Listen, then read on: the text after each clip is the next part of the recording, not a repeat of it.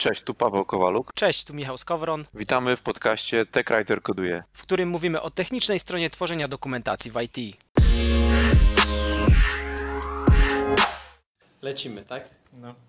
No to dobra. To cześć Paweł.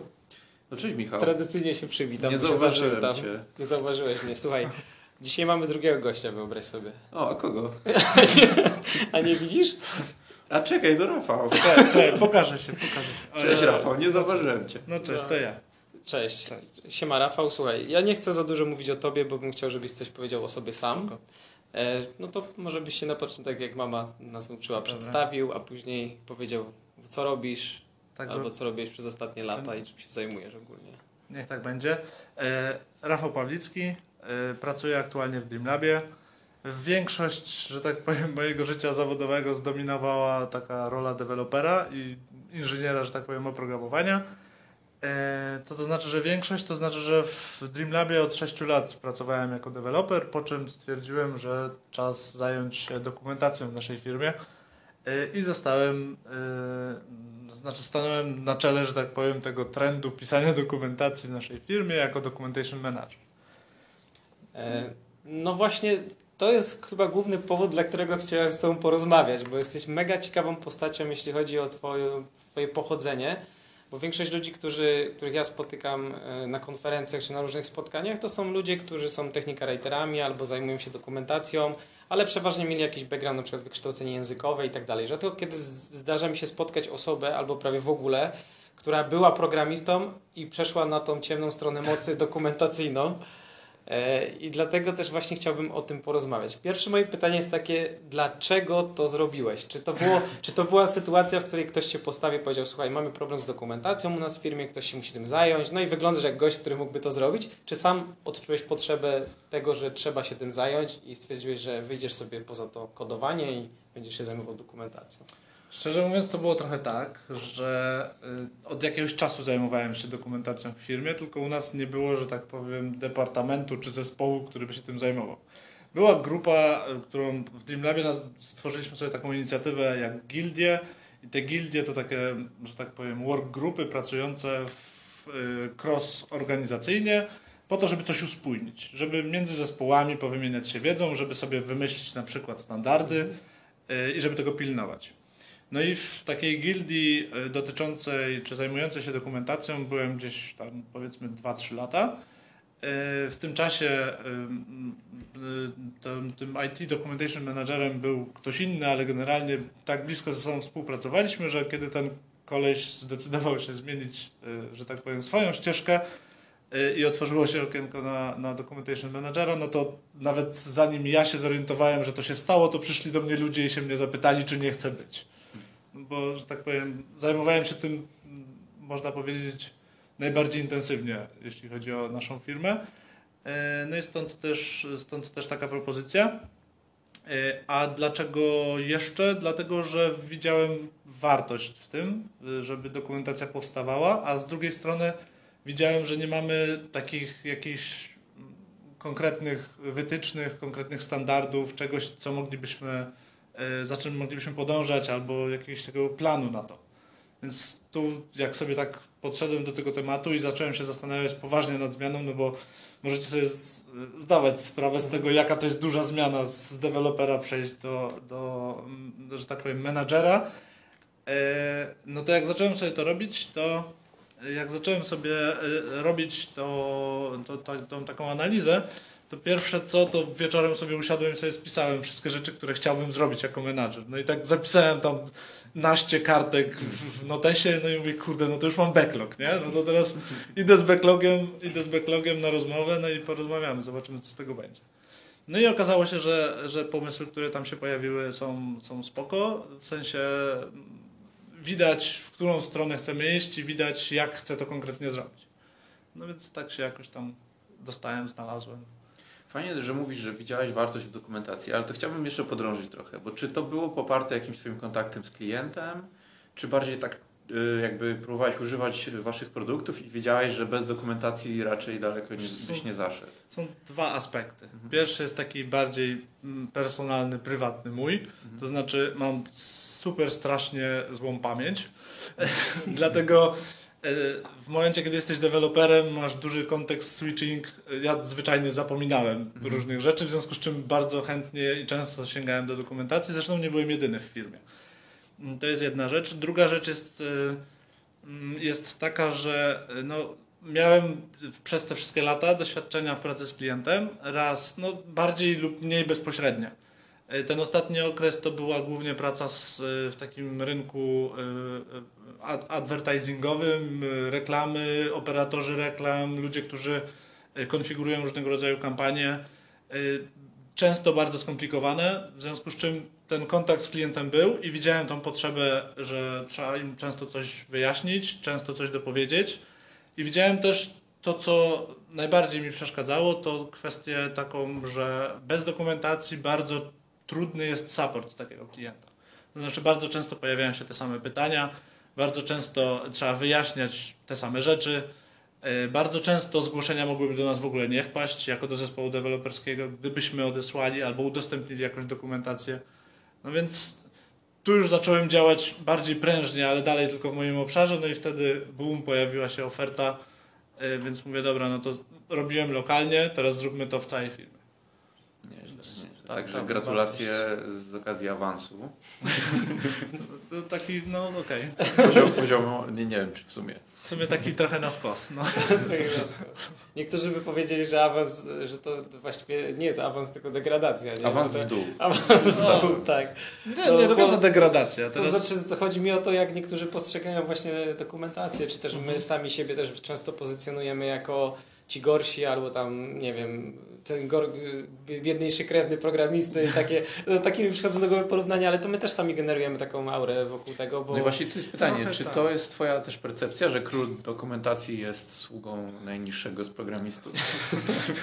Zdecydowanie nie. To znaczy, po pierwsze strzeliłbym sobie sam stopę, jakbym tak myślał. e, e, No i Ale nie chciałbym nim zostać. Chcesz się przyznać, że cię ktoś zmusił na przykład nie, do tego awansu. Nie, czy coś absolutnie takiego. nie.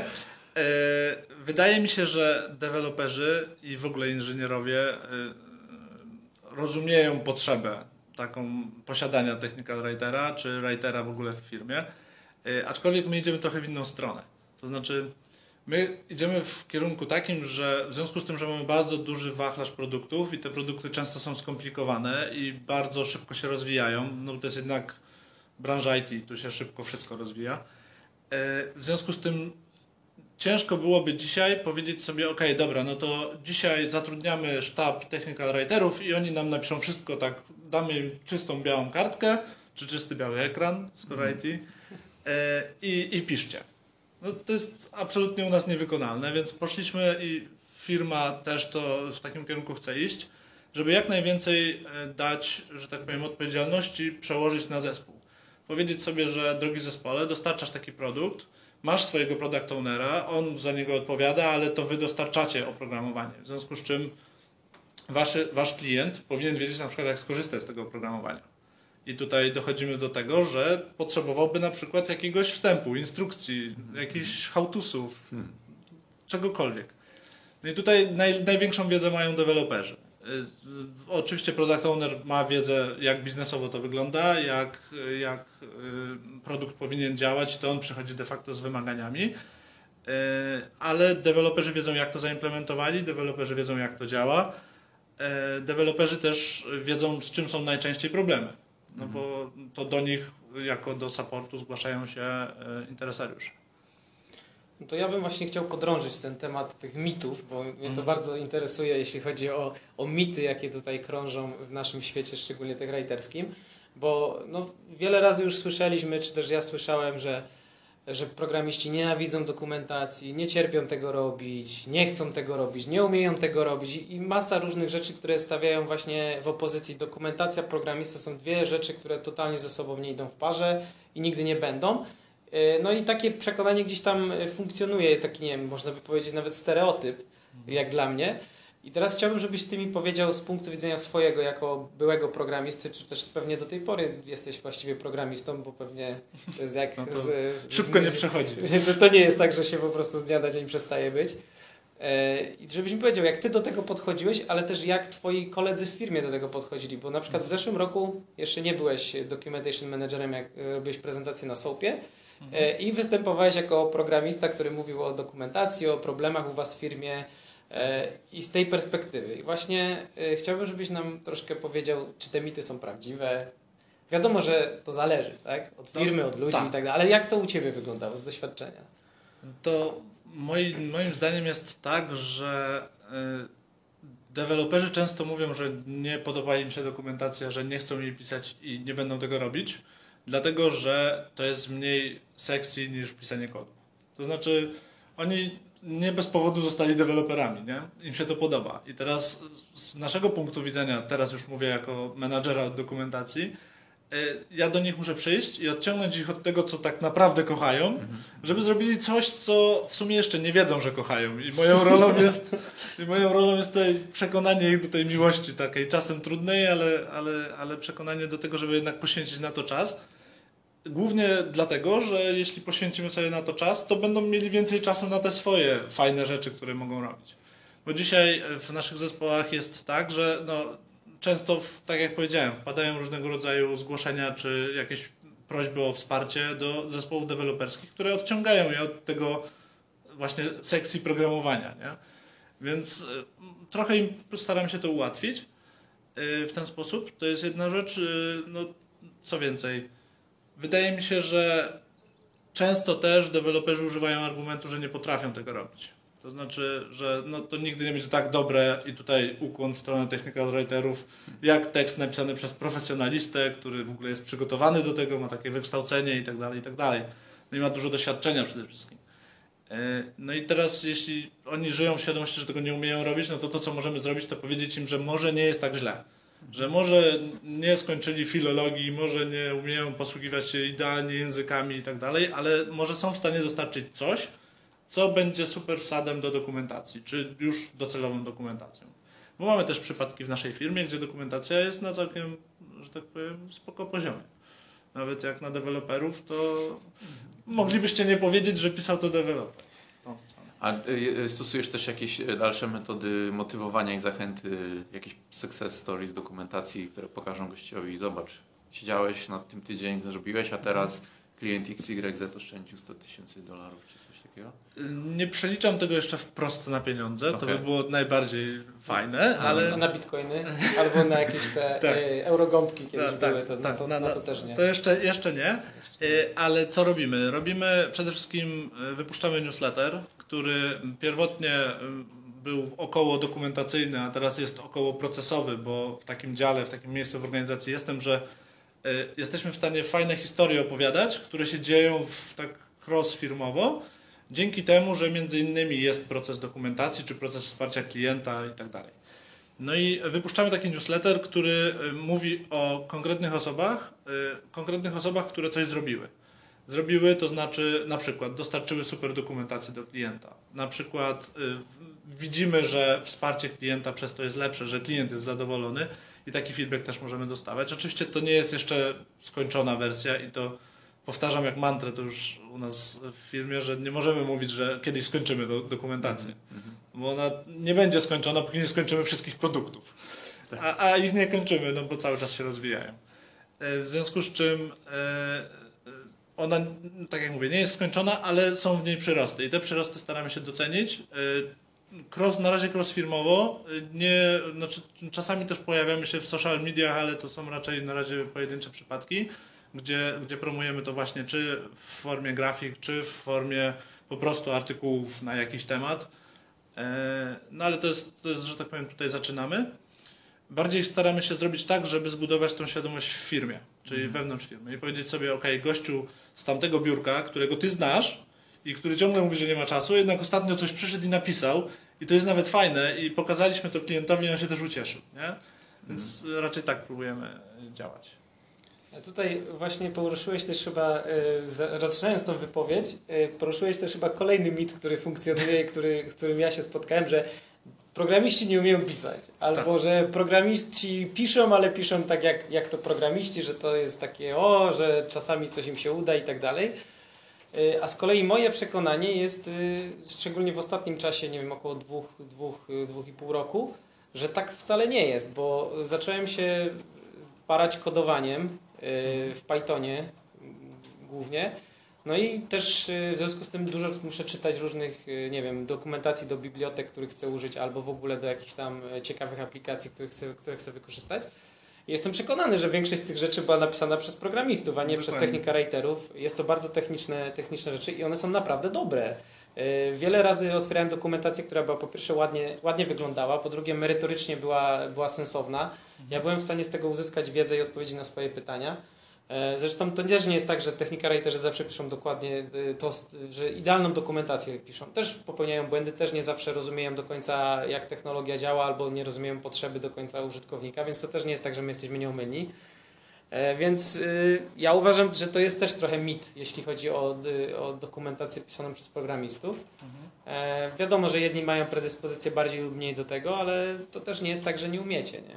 Prawda. Tylko, że- Znaczy, wydaje mi się, że to się bardzo często łączy z tym, że z takim argumentem, bo taki też słyszę, że nie mam na to czasu i tak dalej, i tak dalej. Może No, to jest wygodne po prostu dla was Znaczy, powiedzieć. Ja to nie jest- umiem, to, jest nie będę excuse. robił. Tak? To jest Tak, excuse, tak. nie? W, pewnej, w pewnym sensie. Aczkolwiek, jeśli już uda Ci się przekonać do tego ludzi, a mam takie, że tak powiem, żywe przykłady ludzi u nas w firmie, którzy, którzy się zaangażowali e, po prostu w pisanie i oni nawet częściej pigują mnie niż ja ich, że coś zrobili, coś chcą zrobić, że mają pytanie, jak coś zrobić i tak dalej.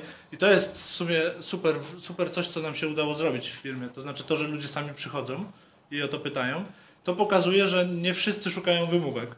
To jest jedna rzecz, to jest kwestia, oczywiście też nie, nie zmierzamy do takiego miejsca, gdzie nagle cała firma i każdy jeden deweloper będzie pisał dokumentację, E, ale chcemy mieć przynajmniej jedną, dwie osoby, które będą takimi ambasadorami w- zespole, które będą na bieżąco z naszymi standardami, z wytycznymi, z tym, co sobie ustaliliśmy, na co się wszyscy zgodziliśmy i tak dalej, po to, że inni w zespole też będą mogli to robić. Teraz wracając do tego, co, co ty powiedziałeś, to, jest, to zahacza o bardzo kil, no, kilka różnych problemów.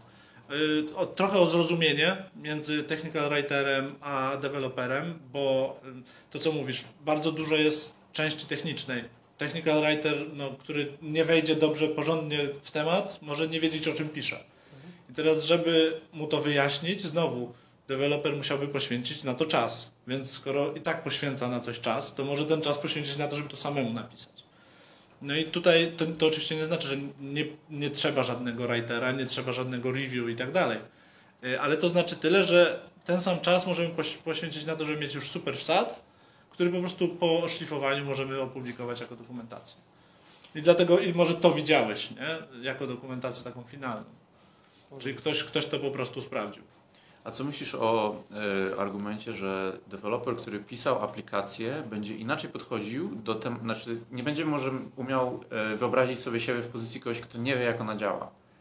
Bo sam ją napisał, więc wie, jak jakieś featurey działają. Będzie na przykład uważał, że warto napisać o tym, bo to mu zajęło dwa tygodnie, żeby zaimplementować, a może to jest coś, co nie jest istotne dla użytkownika. Znaczy, takie przypadki mamy. To znaczy, mamy przypadki, gdzie dokumentację napisał ktoś, kto tworzył tą samą apkę. Y, No i tak jest, jak mówisz. To znaczy, on opisał rzeczy, na które on zwracał uwagę. Y, Ale podchodzimy do tego, dlatego powiedziałem, że potrzebujemy jednego albo dwóch w zespole. To rozwiązuje ten problem, że tak powiem, lokalnie. Czyli no, jeśli ja napisałem apkę, no to kolega z zespołu mi to w pierwszym podejściu sprawdzi, czy to, co napisałem, to nie jest przechwalanie się, że ten kawałek kodu jest super e, tylko to ma jakąś wartość. A druga rzecz jest taka, i to już robimy w firmie, e, że te dostarczone, dostarczone oprogramowanie sprawdza inny zespół. E, Często jest u nas tak, że no, duża część rozwiązań jest platformowych, to, to znaczy, że są używane przez inne zespoły, przez klientów na zewnątrz też, ale przez inne zespoły wewnątrz firmy. I to pozwala nam sprawdzać, czy faktycznie jest tak, jak ktoś to opisał. Czyli chcąc użyć jakiejś platformy, e, czytam dokumentację i wiem, kto napisał tą dokumentację, mogę dać mu od, od razu feedback, zanim to jeszcze wyjdzie, że tak powiem, poza mury, mury firmy.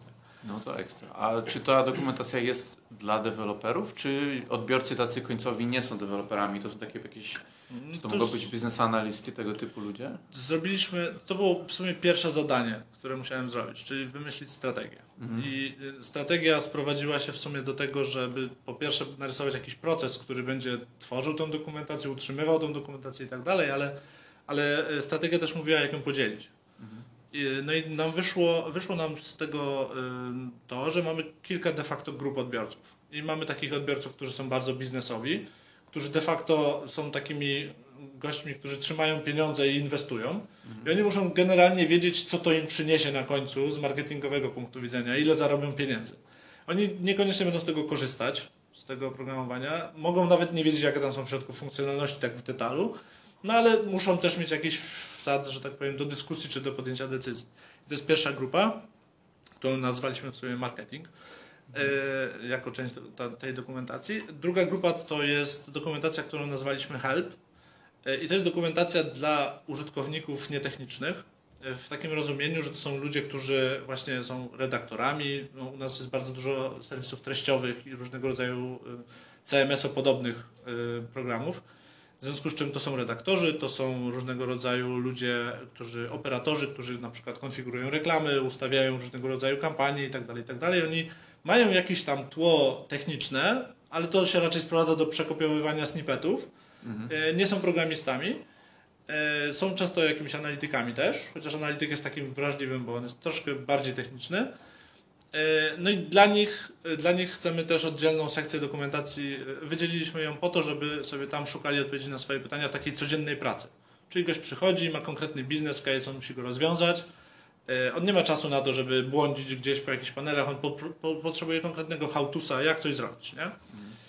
Trzecim takim dużym bloczkiem jest dokumentacja deweloperska, już bardzo techniczna.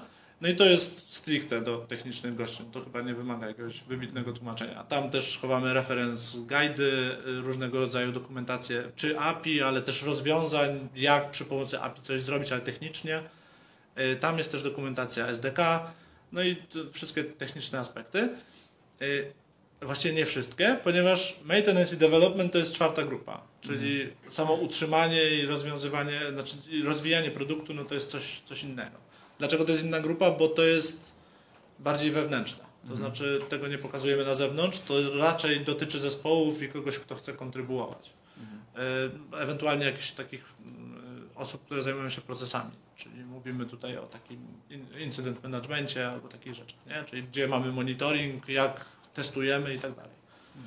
No i jest dokumentacja projektowa, którą trochę jeszcze mało ruszyłem, e, szczerze mówiąc, na, na dzisiaj, e, a która też, też jest, która stricte sprowadzi się do tego, żebyśmy odpowiedzieli na takie pytania, które trochę zadają klienci, a trochę my potrzebujemy wiedzieć, czyli jaka jest roadmapa, jakie zespoły są zaangażowane w projekty, kiedy coś będzie dostarczone, m, jakiś taki proces demandu chcemy też to obsłużyć, więc to jest taka piąta grupa i to jest takich dużych pięć klocków, na które to dzielimy.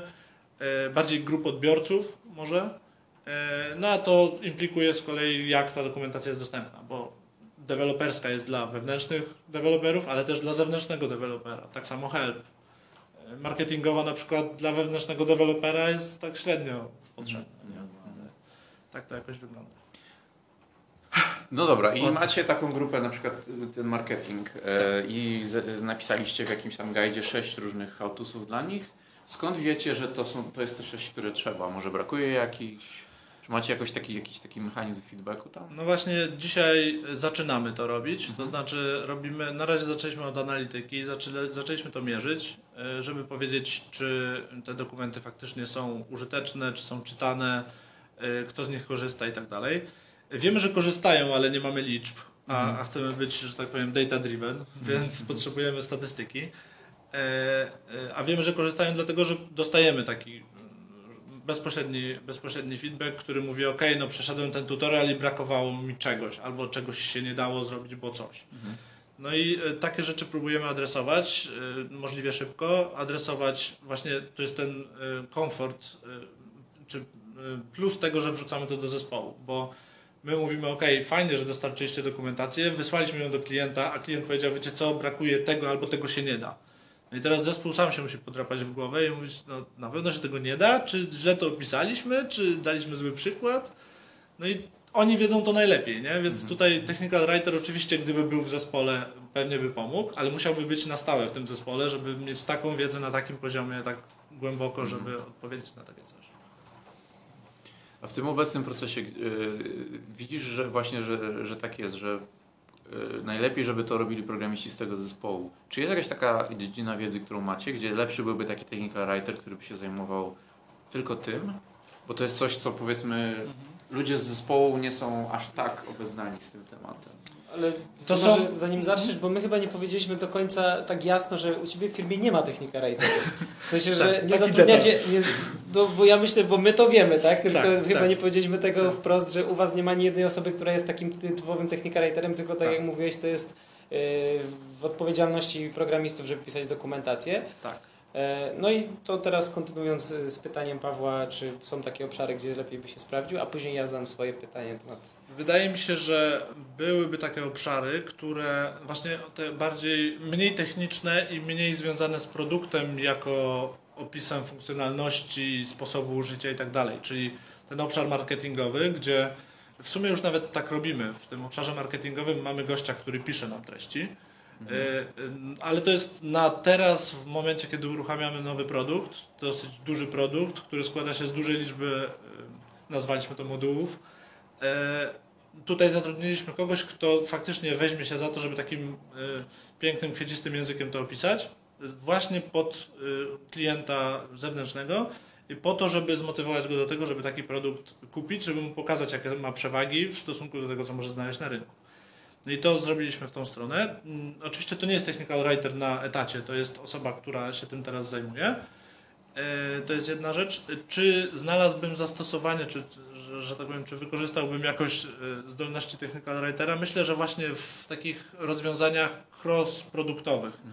Czyli wyobrażam to sobie tak, że mamy jakieś konkretne rozwiązanie, które wymaga użycia 15 z naszych produktów.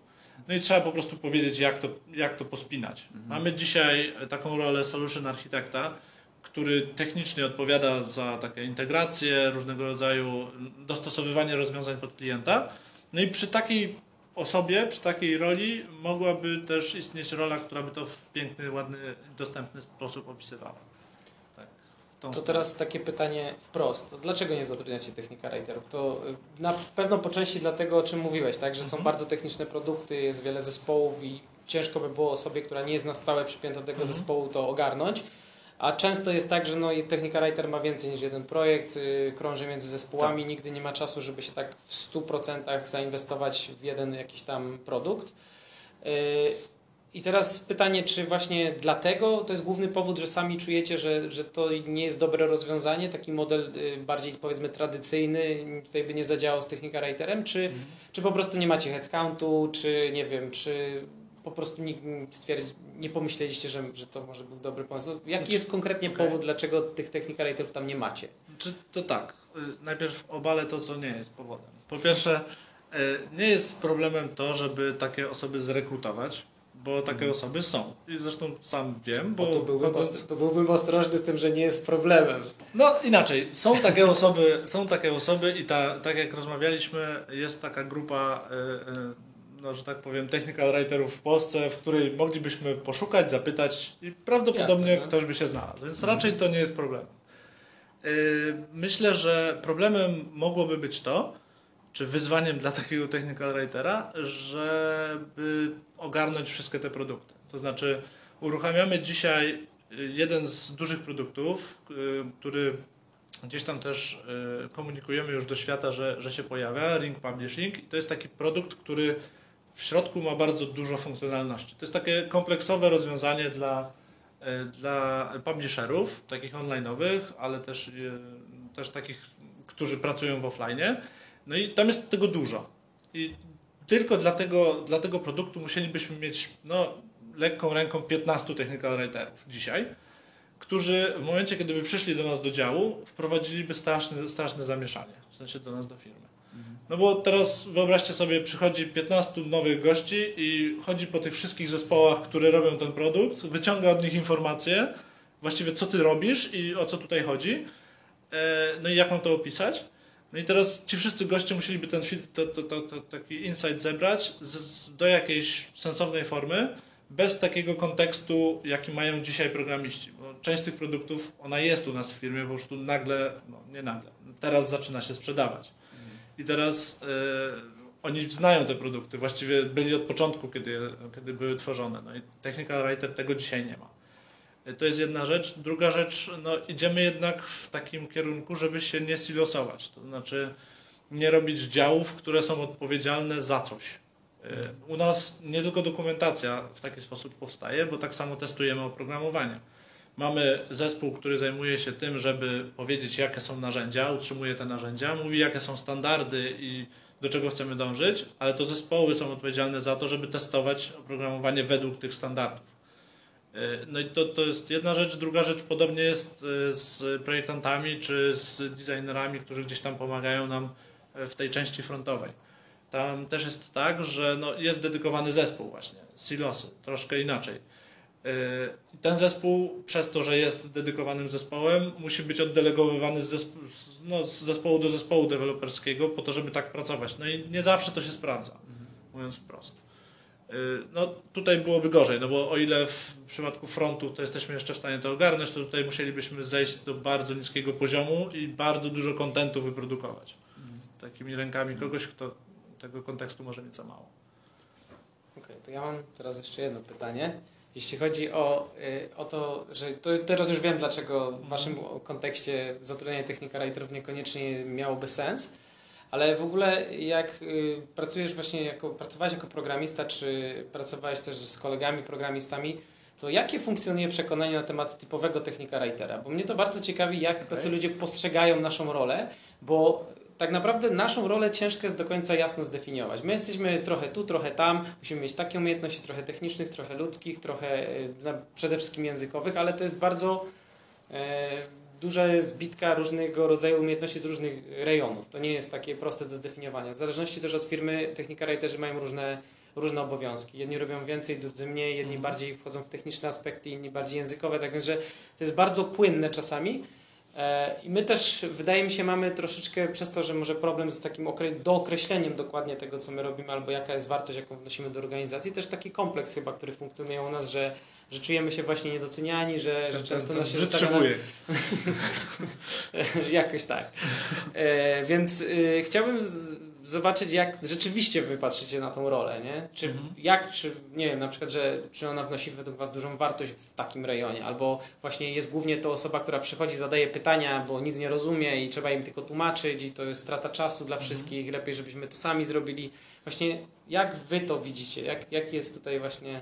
Myślę, że zacząłbym od tego, że pierwsze przeświadczenie, które krąży gdzieś w świadku deweloperów jest takie, że e, ok, mamy zespół deweloperski, mamy jakieś produkty i teraz moglibyśmy zatrudnić technical writera, on by do nas przyszedł i mielibyśmy temat dokumentacji z głowy. Czyli magiczną Czyli- różdżką, tak? czyli Przyjdzie, jest- tak, dotknie i zrobione, Jest tak? przeświadczenie takie, że gość po prostu wziąłby to na barę i by to zrobił. Nie? Taki Więc- superhero trochę, tak? Trochę tak, y, ale co to znaczy? To znaczy, że zespoły deweloperskie myślą też, że od nich już się wtedy nic by nie oczekiwano, nie, nie, nie oczekiwano by niczego od nich. A to jest oczywiście nieprawda i to też powtarzam jak mantrę, że generalnie w momencie nawet gdybyś miał full, na, na full y, etat y, technical writera w każdym zespole, to w dalszym ciągu on by chodził i zawracał jednak gitarę deweloperom, pytając o różne rzeczy. No bo siłą rzeczy on nie będzie codziennie siedział za, każde, za, za plecami każdego z deweloperów i patrzył, czy akurat dzisiaj zaimplementował to tak jak trzeba. Oczywiście mógłby to robić w jakichś y, cyklach, y, czy w sprintach, czy w jakichś innych odstępach czasu, no ale to by powodowało kolejne problemy, takie związane na przykład z tym, że ta dokumentacja by powstała albo nie, w międzyczasie pojawiłyby się zmiany, y, nie byłby w stanie może followować wszystkich takich rzeczy, które się po drodze wydarzyły, typu bugfixy i tak dalej, i tak. Nie w każdym produkcie wersjonowanie u nas dzisiaj jest tak samo realizowane, więc to też jest jakiś tam temat, do, który mógłby szum mu jakiś wprowadzić. No i wydaje mi się, że przeświadczenie deweloperów, ta rola technical writera y, w głowie dewelopera raczej to jest taki ktoś, kto pięknie umie pisać, to na pewno, y, ale nie wie dużo rzeczy technicznych. Możliwe, że to wynika z tego, że nie mają doświadczenia w pracy z technical writerem, przynajmniej jeśli chodzi o naszą firmę. E, A, a możliwe, że e, wydaje im się, że no jest jakiś, tak jak wy macie, może, możecie mieć kompleks niższości, tak oni mogą mieć wyższości, więc mogą też myśleć, że po prostu więcej na ten temat wiedzą, sami to robili, sami to pisali, a tu przychodzi jakiś koleś, który tego nie rozumie, mimo że trzy razy mu wytłumaczyłem, nie? Jak on może nie wiedzieć, co to jest asynchroniczność, nie? Na przykład. Więc, więc myślę, że to w jakąś, jakąś tą stronę. To, jest, to się sprowadza chyba raczej do takich różnic w kontekście, nie? Ty tutaj przychodzisz z punktu widzenia e, takiego, no nie powiem laymana, ale gościa, który technicznie tego nie rozumie i nawet nie powinien może czasami. E, No a oni się spodziewają, żebyś jednak rozumiał wszystko, nie? W końcu bądź tym technical writerem, pisz to super, ale miej taką wiedzę deweloperską jak my, żebyśmy nie mogli cię zagiąć, nie? Żeby, żeby, żebyś nie był gorszy. Bądź y, programistą i jeszcze y, umieć pisać przy okazji. No, to dobrze by było. Tak. tak. Czyli tak jeszcze programista plus, tak? Tak, no i jeszcze dołóżmy do tego, bo dokumentacja taka pisana, że tak powiem, od czystej kartki, y, helpowa czy deweloperska, whatever, ale od czystej kartki jest jeszcze innym tematem niż pisanie dokumentacji czy generowanie dokumentacji z kodu. Gdzie no tutaj, jeśli technical writer przyjdzie i nie będzie znał wszystkich tych rzeczy, które, o których musi wiedzieć w momencie, kiedy chce generować dokumentację z kodu, no to zostanie zjedzony przez dewelopera, który no, na co dzień obcuje z tą dokumentacją, która e, jak, jak zajmowałeś się trochę Pythonem, wiesz, tam dużo się generuje z kodu e, dokumentacji, no i to ma sens też z, z różnych względów, w związku z czym on musiałby to też wiedzieć, no a deweloper nie pozwoliłby na coś takiego, że gość mu przychodzi i wiesz, narzuca mu jakieś takie czysto hipotetyczne, teoretyczne podejście do tego, jak powinny wyglądać komentarze, mimo że to w ogóle tak się nie robi, nie? Bo coś. Więc tutaj tu bym uważał no, w tą stronę. Ale może tak być, że e, ta, ta główna różnica polegająca na tym, że jeden tworzy oprogramowanie, a drugi musi opisać coś, co już jest, mogłaby powodować tutaj, czy Mhm. może powodować jakieś zgrzyty momentami. Czy w nowoczesnym przedsiębiorstwie IT nie ma miejsca dla technical writera? Czy na przykład w software'ze technical writerzy są dlatego, że byli w fabrykach, więc jak kopiowano powiedzmy mentalność produkcyjną, no to powstał ten zawód i on tam gdzieś w Niemczech i w Stanach sobie istnieje, a tak jak my tutaj w Polsce zaczynamy, zaczęliśmy 5 lat temu robić software, tak przesadzam specjalnie, nie? To, Bo e, cztery. E, To wtedy zaczęliśmy i właściwie okazuje się, że technical writer nie jest potrzebny. Potrzebny jest ktoś taki jak ty, kto zorganizuje współpracę e, deweloperów, którzy będą w stanie pisać ten. Pisać Czy wydaje mi się, że trend jest taki, żeby jednak, y, że, że nie ma już tylko takich programistów, w sensie Mhm. nie ma kogoś, kto tylko siedzi i kodzi. Jak sobie popatrzycie na to tak całościowo, to nawet rola samego dewelopera czy inżyniera oprogramowania trochę wy, wyewoluowa- wyewaluowała, trudne słowo. Zmieniła się troszkę, tak? Tak, z programisty. E, co to znaczy? To znaczy, że ja nie siedzę i nie kodzę, tylko ja idę na grooming, ja analizuję problem, ja muszę wymyślić najlepsze rozwiązanie, biznesowe często, muszę ten biznes rozumieć, bo jak tego nie zrobię, no to nie będę mógł robić tego, co najbardziej kocham, czyli programować. E, Ja na końcu muszę jednak zebrać feedback od klienta, który mi powie, że w sumie to nawet to tak przemyślałem, ale to może nawet nie do końca tak powinno być, tylko trochę inaczej. Więc muszę też rozumieć jego potrzebę. Więc to nie jest tak, że inżynier czy deweloper jest tylko programistą, w związku z czym on musi mieć też inne cechy.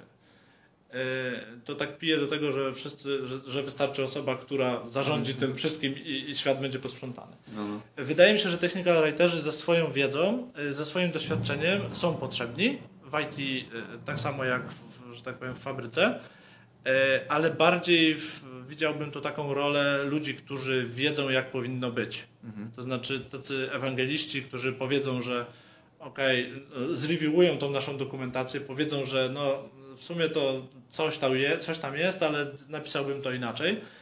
E, albo tego klient nie zrozumie, albo usuń to, bo to jest w ogóle niepotrzebne. E, To jest jedna rzecz. Druga rzecz, uczą, uczą przez takie review resztę, czyli uczą tych deweloperów tego, jak w Taka rola coacha trochę, tak? Czyli osoby takiej, Trochę, trochę takiej tak. prowadzącej, a nie właściwie zajmującej się samej pisaniem też Tak, powiedziałeś- znaczy to się nie wyklucza, nie? Znaczy, No, oczywiście, myślę, że to raczej nie jest 100% czasu, co fajnie pokazaliście na swojej prezentacji na SOP-ie. To nie musi być 100% czasu, kiedy ja piszę, Mhm. ale to nie znaczy, że w ogóle nie piszę. Tak, tak, tak. Nie? tak, W tą stronę.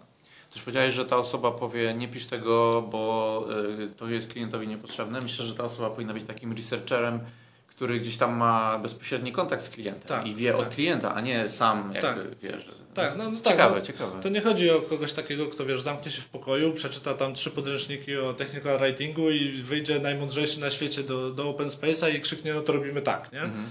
Raczej chodzi właśnie o kogoś, kto będzie się dostosowywał do tego, jak to y, wygląda na rynku i dlatego taka rola y, y, jest, że tak powiem, mogłaby być też oddzielna, czyli działać, że tak powiem, niezależnie od samego, y, samej takiej, takiej roli dewelopera czy inżyniera. Y, No bo jest w stanie wtedy to robić. W momencie, kiedy jesteś deweloperem, to uwierzcie, sprawdziłem, nie jesteś w stanie followować wszystkich zmian, które się pojawiają w obszarze technical writingu, y, developmentu, wszystkich technologii, w których piszemy i tak dalej, i tak. Więc nie jesteś w stanie być specjalistą we wszystkim. Możesz być w jakimś zakresie, ale ktoś musi jednak tutaj kierować cię w dobrą stronę. I tutaj widzę technical writera. Czyli ogólnie też y, przychodzi mi też do, do głowy jeszcze jedna rzecz y, do tego, co mogłaby taka osoba robić, czyli bardziej takie content strategy na przykład w firmie, bo Tak. to by się wiązało z tym, o czym ty mówiłeś, że na przykład widziałbyś rolę technika writera u was, który y, zajmie się spięciem w całość tego wielkiego produktu, gdzie macie 15 różnych elementów i tak, przekrojowo opisać. To Znaczy by nie widziałbym go, bo dzisiaj to jest moja rola. Ale ja wyobraź sobie, No, że, że ciebie nie ma. Tak? No, okej. I tutaj przychodzi ktoś, kto to Tak, musi tak. zrobić. E, ale zmierzam do tego właśnie, że chyba content strategy to by też był jeden rejon, gdzie można by tą wartość moglibyśmy dużą wnieść, czy tam information architecture. E, Tak. To też są takie obszary, w których moglibyśmy się sprawdzić. e, I w której ta rola mogłaby no, rozwijać A, się, właśnie. właśnie, rozwijać się w tym kierunku. I, to, I tak samo to, co Paweł mówił, czyli analiza potrzeb y, odbiorcy, może testowanie pod względem użyteczności, czy sprawdzanie y, dokumentacji, więc takie rejony, które często są zaniedbywane. E, Więc ta rola techniczna, ta tradycyjna rola technika writera mogłaby w tych kierunkach się Tak. przesuwać. Odpowiedź E, trochę na feedback od klienta, nie? Czyli powiedzenie sobie, ok, kliencie, no masz taką potrzebę, no ale jesteś jednym z tysiąca, więc może są ważniejsze potrzeby. Na przykład. Tak, a może jeszcze coś, o czym e, ostatnio tutaj też rozmawialiśmy w firmie, usability kodu. Jak udostępniamy, udostępniamy jakieś API al- albo SDK, to pytanie, czy tego się dobrze używa tak naprawdę, Mhm. nie? Czy ten technical writer jest w stanie jakoś połączyć ludzi, którzy używają z tymi, którzy tworzą, No, tak.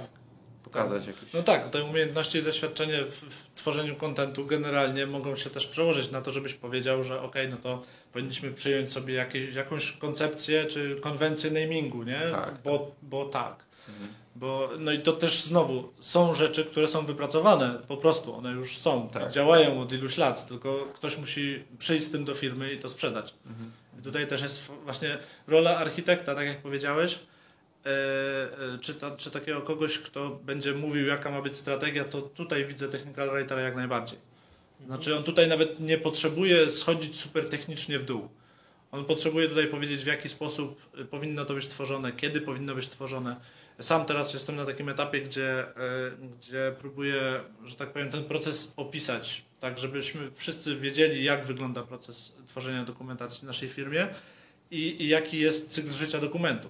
To znaczy, to jest też częsty problem i na kilku konferencjach już był poruszany y, temat tego, jak sobie radzić, kiedy masz bardzo dużo starej dokumentacji albo ak- nieaktualizowanej dokumentacji. To jest bardzo poważny problem i tutaj znowu architekt czy ktoś, kto ma doświadczenie jest w stanie powiedzieć, ok, no to nie wiem, to wyrzućcie, a to w ogóle zarchiwizujcie, a w ogóle cykl życia produktu czy dokumentacji do tego produktu jest taki, że wtedy ona powstaje, a wtedy ma być zarchiwizowana, a może coś jest jeszcze pomiędzy, nie? Więc to jest, to jest też istotne. No, dzisiaj oczywiście patrząc na mój background deweloperski staram się to zrobić bardziej automatycznie niż chodzić po y, Confluencie czy innych toolach i sobie zaznaczać to do wyrzucenia, a to nie, nie? Mhm. Y, Więc tutaj raczej rola moja się sprowadza do tego, że mówię, jakie powinny być reguły i na podstawie tych reguł tworzymy sobie jakiś soft. Ten soft będzie, nie wiem, ostrzegał albo nawet automatycznie czyścił różnego rodzaju y, stare dokumenty. No i tutaj liczę na to, że to trochę posprząta. Czyli na tą chwilę w firmie u Ciebie to Ty jesteś taką wyrocznią, tak? Jeśli chodzi o dokumentację. Znaczy, Mhm. szukam tutaj takiej roli, bo w związku z tym, że nie macie y, powiedzmy spe szkolonych specjalistów od Mhm. dokumentacji, którzy mogliby Wam na przykład doradzić, czy zaprojektować jakąś na przykład strategię, zaprojektować, Mhm. nie wiem, architekturę, y, zrobić no, te wszystkie rzeczy, o których mówiłeś, które są potrzebne. Y, Ty jakby się przesunąłeś w kierunku bycia menedżerem dokumentacji, więc zakładam, że to ty jesteś tą taką wyrocznią, która powiedzmy wytycza y, strategię, y, która się dokształca w tej dziedzinie i która tą wiedzę zdobywa, no i tutaj stara się pchać to do przodu, tą dokumentację. I takie pytanie, w związku z tym, że już wiemy, dlaczego technika writerów nie zatrudniacie, ale czy na przykład nie myśleliście o tym, żeby zatrudniać jakichś konsultantów albo osób z zewnątrz, które na przykład przyjdą właśnie i tam pomogą Wam zorganizować sobie tą strategię, zorganizować sobie to takie pierwsze kroki, uporządkować to, a później już y, Wam nadać kierunek, żebyście już wiedzieli jak, czy po prostu stwierdziłeś, że lepiej jak my sobie sami to zrobimy małymi krokami, będziemy sobie tam z wiedzę zdobywać, chodzić na konferencje, czytać, szkolić się we własnym zakresie i to jest lepsze rozwiązanie. Czy powiem tak, y, myślałem o tym, żeby podeprzeć się, bo to do tego się sprowadza, podeprzeć się autorytetem z zewnątrz, bo to zawsze w rozmowie z deweloperami, których trzeba do czegoś przekonać, jest na plus. To znaczy, jak przyjdzie do nas ktoś, kto ma 40 lat, nie wiem, Rachel Bale przyjdzie i powie, ja, ja ją zaprezentuję i powiem, wiecie co, ta pani dłużej niż wy żyjecie na świecie, zajmuje się dokumentacją, więc może jej posłuchajmy. Y, No To przyjdzie z taką maszyną do pisania. Dokładnie, nie? Się dokładnie, że to tak kiedyś było i teraz. Więc, więc y, z takim autorytetem no, ciężej byłoby też dyskutować. Y, No i to są ludzie, którzy się naprawdę zje- zjedli zęby na, na, na tych tematach, więc to jest zawsze na plus. Myślałem o tym, aczkolwiek w mojej ocenie jest trochę za wcześnie na to u nas. To znaczy, wydaje mi się, że powinniśmy najpierw zrobić to, co, to, co możemy, czyli po pierwsze sprzedać temat dokumentacji, co już się, no nie powiem, że się udało, ale no, widzę, widzę progres jakieś światełko w tunelu też. E, zajawić temat dokumentacji wśród deweloperów, zmotywować ich do tego, żeby to robili i w momencie, kiedy będzie świadomość w całej firmie, że to jest ważne i że jesteśmy w stanie to nawet sami robić albo dostarczać jakiś wsad, wtedy możemy się podeprzeć y, kimś z zewnątrz. Wtedy ten ktoś może przyjść i powiedzieć, no to fajnie, że macie już jakiś standard, bo to też trzeba wypracować, że macie jakiś style guide, no on nie jest jakiś, nie wiem, super profesjonalny z rynku, bo coś tam, znaczy porównując do tego, co możemy dostać na rynku. E, No, ale możemy coś z tym robić, zacząć działać, nie? Czyli wtedy przychodzi gość i możliwe, że ja będę takim gościem w momencie, kiedy się wystarczająco dobrze wyedukuję i dowiem wszystkiego.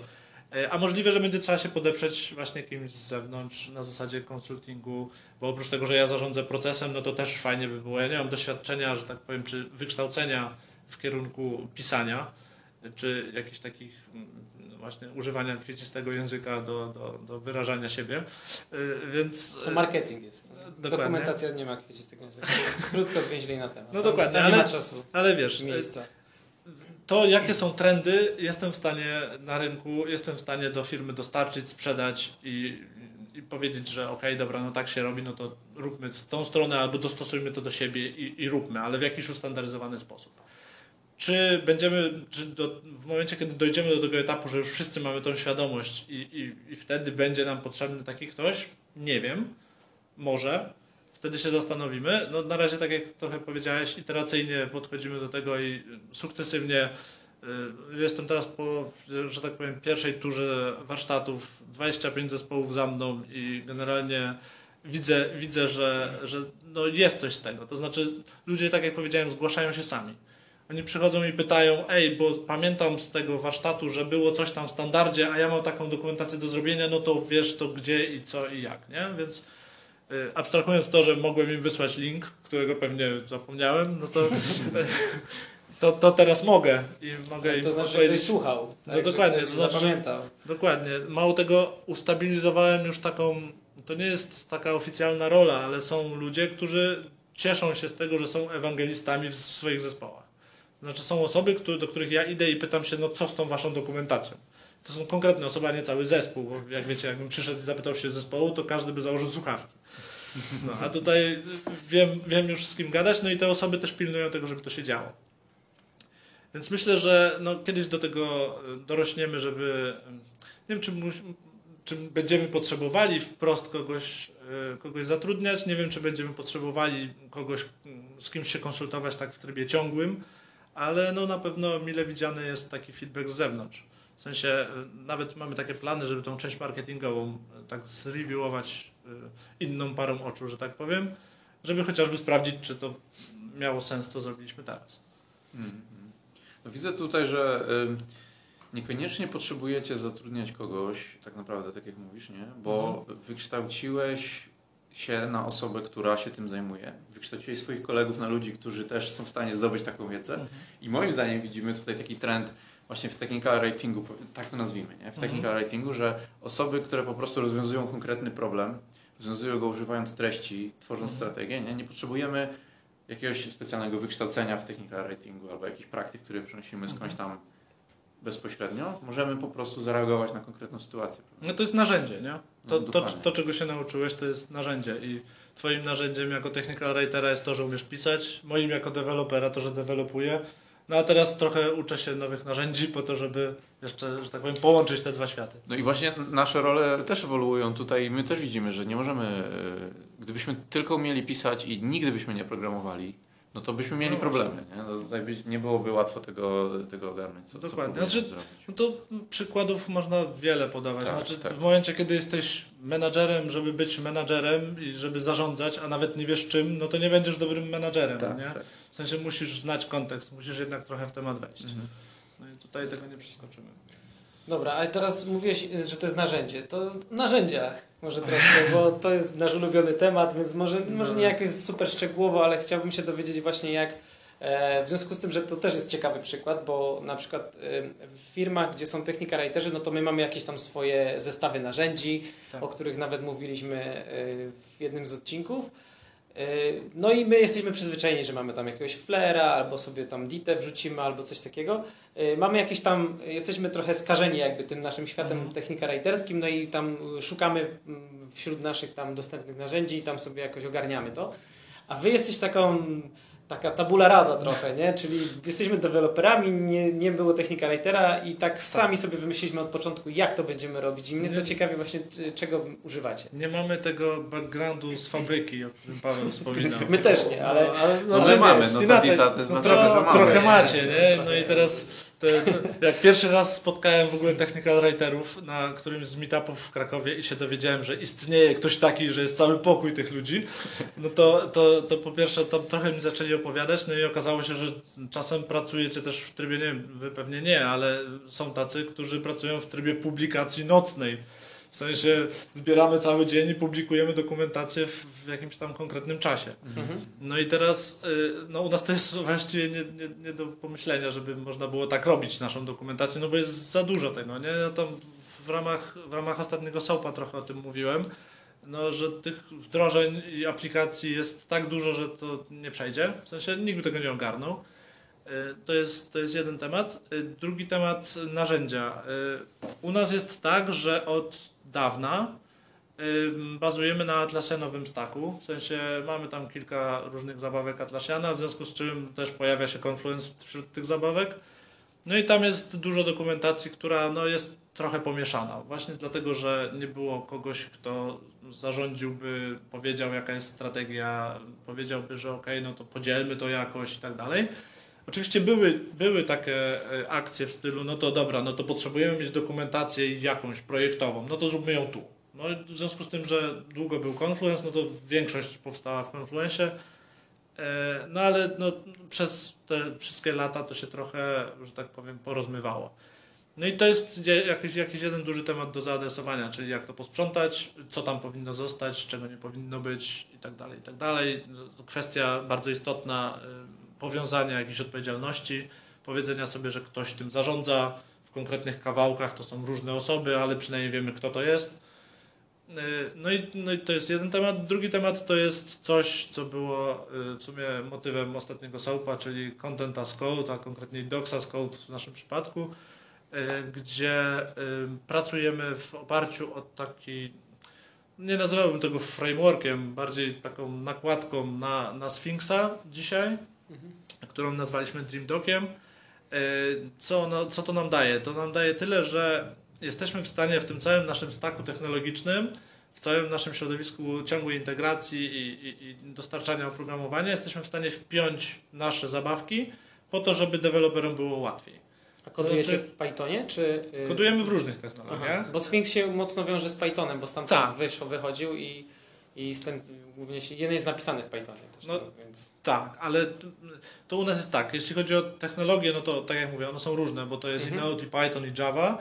No i tam kilka jeszcze innych. e, Wynikają z różnych, z różnych rzeczy. wiadomo, to Ale jest- generalnie są ustandaryzowane, więc wiemy z czym, do czego musimy się dostosować z dokumentacją, to jest raz. No ale y, podeszliśmy do tego też tak, że część dokumentacji powstaje obok, niekoniecznie zgenerowana z kodu. No i to też trzeba było zaadresować. No i tu poszliśmy w stronę Restructure Text i, e, i, i Sphinxa, który no, wspiera to, że tak powiem, natywnie. E, No i przy pomocy Sphinxa, przy pomocy de facto tego oprogramowania, którym go obłożyliśmy, jesteśmy w stanie zrobić tak, że w momencie, kiedy gość sobie dewelopuje tą swoją dokumentację i chowa to w swoim, w swoim repozytorium, w momencie, kiedy merge'uje się z główną gałęzią, no to odpalają się nam kolejne plany. E, Kolejne to znaczy zarówno build tej dokumentacji, jak i sam deployment, czyli wdrożenie jej do konkretnego miejsca. No i dzięki temu, że otuliliśmy Sphinxa tymi naszymi zabawkami, to jesteśmy w stanie powiedzieć, co to są za miejsca i co to znaczy, że się buduje. Czyli jesteśmy w stanie powiedzieć, że no, przyszłościowo myśląc, jesteśmy w stanie sprawdzać tę dokumentację automatycznie lub nie. No, dzisiaj możemy tymi rzeczami, czy tymi mechanizmami, które mamy z pudełka w Sphinxie, e, ale myślimy o tym, żeby to rozwinąć, o, o rzeczy, które, które też gdzieś tam na rynku są dostępne, żeby sprawdzać to bardziej pod kątem kontentu, a nie tylko spójności, struktury, czy tam syntaksu e, RST. E, No i, e, no i mając, mając na uwadze e, to, że to jest nasz tool, jesteśmy też w stanie powiedzieć, gdzie publikujemy te dokumenty i mamy takie jedno miejsce, które opisuje, jakie są te miejsca. I tutaj jest to, co, co Paweł pytałeś, jak to dzielimy. To w tym miejscu, w momencie, kiedy ktoś robi dokumentację, może powiedzieć, że to jest help, a to jest część deweloperska, a może to jest w ogóle help, a kawałek z tego helpa to jest część deweloperska, albo Super. jeszcze coś innego. A y, fajny drugi feature to jest to, że możemy powiedzieć, że część tej dokumentacji jest wewnętrzna, a część nie. I mamy jedno repozyto- repozytorium z dokumentacją, gdzie część jest wewnętrzna, część publikowana na zewnątrz. Więc y, to, to, to tak to z grubsza działa. No i oczywiście to kończy się tym, że jest na froncie też jakaś aplikacja, która pokazuje nam tą dokumentację, nie? czyli te zbudowane HTML w jakiejś tam formie. To jeszcze krótkie pytanie, jeśli chodzi o restructure text. Yy, wiadomo, no narzucone trochę przez Sphinxa, bo to jest jakby domyślny, domyślny format. Markdowna też można używać, jak się tam Mhm. doinstaluje chyba jakąś wtyczkę. Tak. Czy jest rzeczywiście jakaś, yy, są duże zalety korzystania z restructure text? To jest bardziej zaawansowany pod względem możliwości, jakie oferuje niż Markdown. Ma jakąś tam składnię, która obsługuje różne elementy, których Markdown nie ma. Yy, I jakie jest Twoje zdanie po używaniu tego Powiem tak, języka znacznika? do, y, w sumie z ostatni, to ostatni taki y, temat, którym się zajmowałem, to była trochę wyspecyfikowanie dokumentacji API Y, i wzięliśmy na warsztat dokumentację Microsoftu i guidelinesy dotyczące API, które są napisane w Markdownie.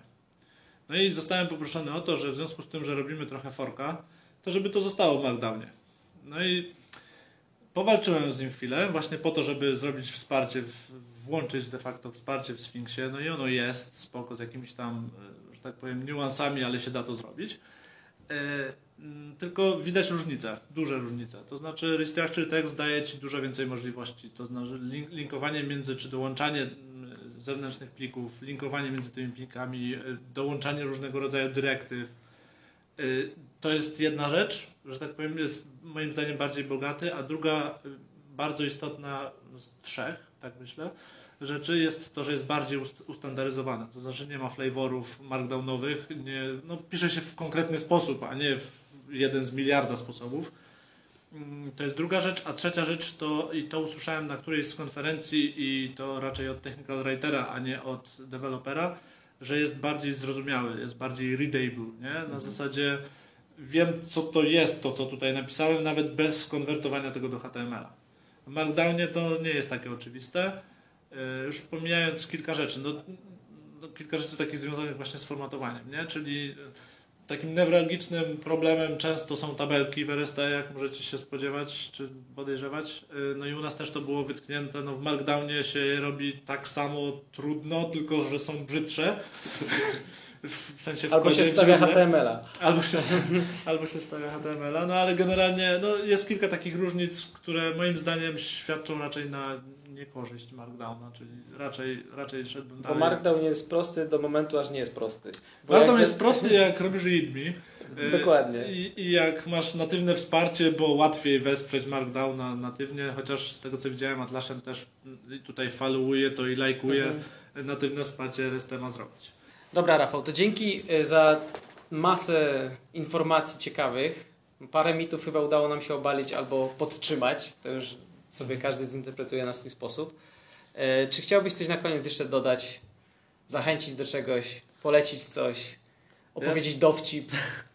E, O, ja mam pytanie jeszcze no. jedno, zanim, o, Dawaj. zanim przerwę Ci. To trochę tak e, zmałpuję z innego podcasta, ale jakbyś pisał dokumentację, to, to w czym byś pisał? W jakim narzędziu? No wiadomo, że w RST, w Doxas Code, więc pewnie w edytorze. Ale w jakim? No, dzisiaj w idę Py- w PyCharmie, ale W PyCharm, okej, dobra. dlaczego? Dlatego, że można tam sobie fajnie skonfigurować PyCharma tak, żeby ułatwić sobie trochę deployment tej dokumentacji. E, Okej. No i ma też podgląd taki live tego, co w Doxas Code piszesz. Fajnie. Ja używam IntelliJ'a Community Edition z wtyczką No. do Pythona na przykład, więc to jest pod, podobne. Całkiem spoko. Dobra, ja chciałem podziękować przede wszystkim za zaproszenie. E, e, Tak, Myślę, że po naszej stronie. Dokładnie. Nie znamy się od wczoraj, dlatego też fajnie było się spotkać i pogadać. E, No i to, co chciałbym jeszcze zaznaczyć, czy przekazać taki takeaway dla kogoś, kto nas teraz słucha, to to, że żeby nie zakładał, że deweloper nie umie pisać, żeby zastanowił się, co zrobić, żeby trochę mu w tym pomóc, bo, bo może można to zrobić. I żeby zastanowić się trochę nad rolą technical writera w przyszłości. To znaczy to, o czym rozmawialiśmy, czy to raczej nie jest architekt, czy nie powinien się troszkę rozwijać też w kierunku e, albo zarządzania tą treścią, albo, e, albo może też jakichś technicznych kierunkach, które na pewno by pomogły w, w takim szybko rozwijającym się IT. Okej, a jakby ktoś się chciał z Tobą skontaktować, to jak najłatwiej Cię dorwać? No, jestem na wszystkich społecznościowych portalach, e, więc myślę, że e, imię i nazwisko wystarczy, żeby mnie znaleźć. Tam też mam kilka, znaczy mam też tytuł, tytuł IT Documentation Managera wpisany, więc myślę, że to będzie ten Rafał Pawlicki. Ten jeden, jedyny w całej Tak. Polsce, Rafał Tak. Pawlicki, który jest Documentation Managerem. Dobra, no to dziękujemy wszystkim za, za uwagę. E, Dzięki Paweł, dzięki Rafał i do usłyszenia w następnym odcinku. Dzięki na razie. Dzięki, cześć.